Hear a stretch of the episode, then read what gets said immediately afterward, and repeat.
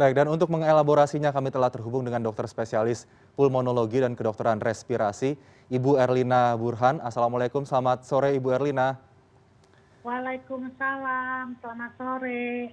Oke, Bu Erlina, ini terkait dengan adanya uh, alat tes swab antigen yang dilakukan sendiri oleh masyarakat ya, dilakukan untuk mengurangi beban biaya tes di klinik atau di laboratorium. Apakah hal tersebut sebetulnya menjadi hal yang direkomendasikan atau aman untuk dilakukan?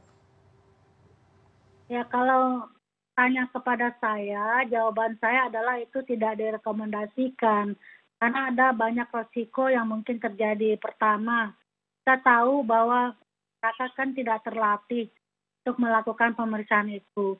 Bisa jadi karena memang tidak terlatih dan juga tidak memakai APD yang sesuai, itu justru makan ter, akan tertular kalau seandainya orang yang diperiksa itu adalah orang yang memang sebetulnya ada virus di saluran nafasnya.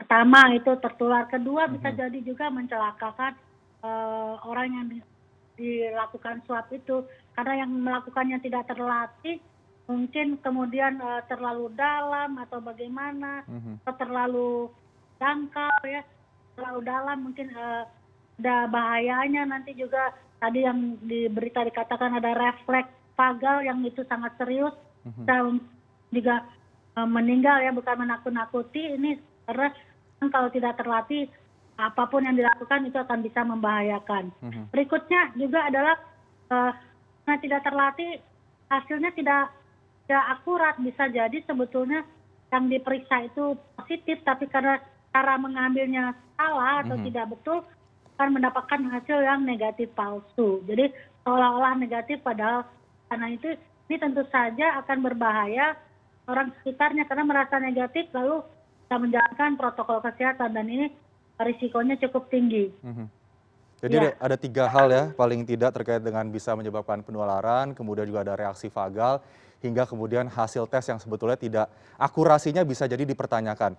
Dok Erlina, ini terkait dengan uh, bahaya dari ringan sampai berat yang tadi juga sempat dokter sebutkan, bisa dielaborasi lebih uh, detail lagi. Sebetulnya bahaya yang kemudian bisa terjadi jika pencolokan alat swab antigen itu dilakukan dengan bukan tenaga ahlinya, apa saja Bu Erlina?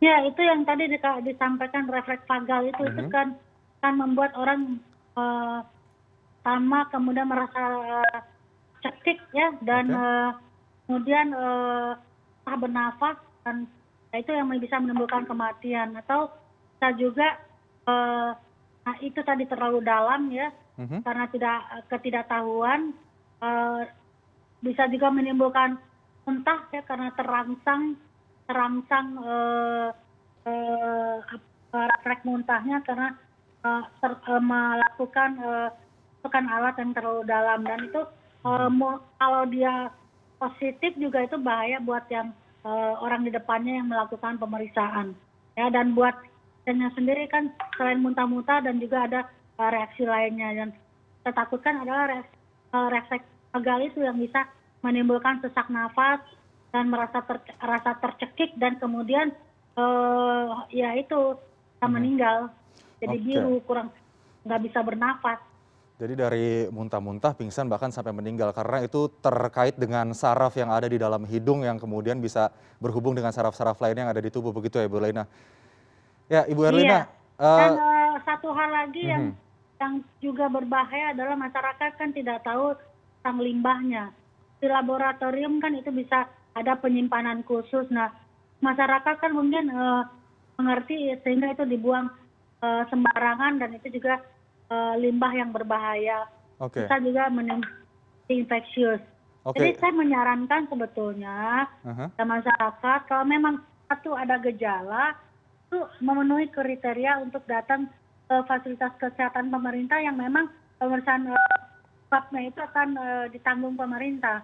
Mhm. kedua juga walaupun tidak ada gejala tapi ada masuk kriteria kontak kontak erat dan kalau kontak erat itu juga akan ditanggung oleh pemerintah karena itu memenuhi kriteria uh, sebagai suspek yang harus dibuktikan. Jadi uh, saya kira uh, alasan mas itu tidak bisa menjadikan justifikasi untuk melakukan pemeriksaan sendiri karena tuh ada yang pemerintah kok. Oke, dok Erlina ini terkait tadi dokter menyebutkan soal Eh, limbah. Saya tertarik untuk mengupas sedikit. Ini sudah terlanjur banyak beredar di masyarakat begitu. Artinya masyarakat sudah banyak yang kemudian membuang limbah bekas dari alat antigen uh, yang dilakukan secara pribadi ataupun sendiri ini. Apa sebetulnya uh, hal yang bisa at least dilakukan begitu untuk kemudian menangani limbah dari alat tes swab antigen yang dibeli pribadi oleh seseorang? Ya, kadang-kadang alat uh -huh.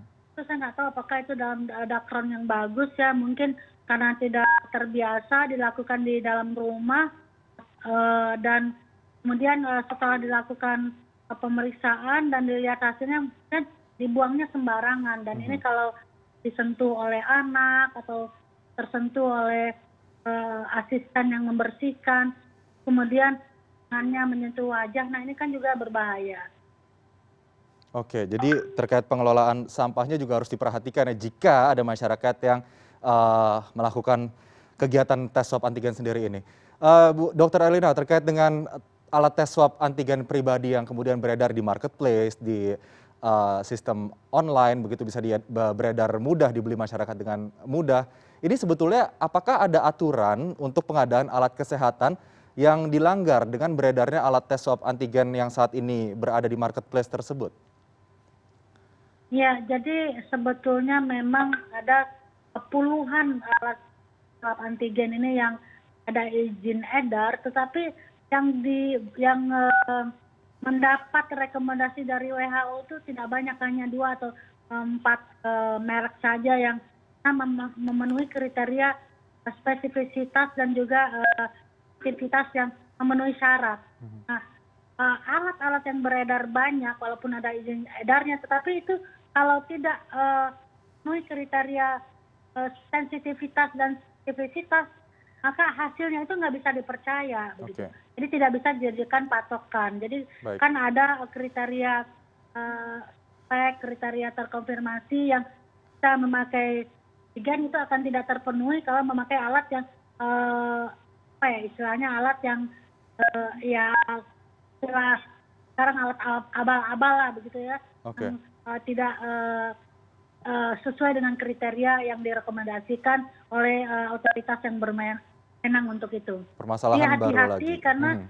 walaupun uh, kita merasa mudah mendapatkannya dan juga murah, tapi kalau alat itu tidak memenuhi kriteria, maka hasilnya nggak bisa jadi patokan, baik yang positif maupun yang negatif. Oke. Dan itu berbahaya untuk kita, untuk masyarakat itu sendiri. Baik, Dokter Erlina, semoga ini bisa menjadi pencerahan bagi masyarakat untuk kemudian memilih untuk mengunjungi fasilitas kesehatan terdekat jika ingin melakukan tes COVID-19 karena sudah uh, ada riwayat bertemu atau uh, ada kerabat yang terkena gitu agar tidak menggunakan swab tes uh, antigen sendiri ini karena berbagai bahaya yang mungkin bisa mengintai. Untuk sementara terima kasih Dr. Erlina Burhan, dokter spesialis pulmonologi dan kedokteran respirasi atau paru sudah bergabung bersama kami di CNN Indonesia Newsroom. Selamat sore Dr. Erlina, Assalamualaikum, sehat selalu. Selamat sore.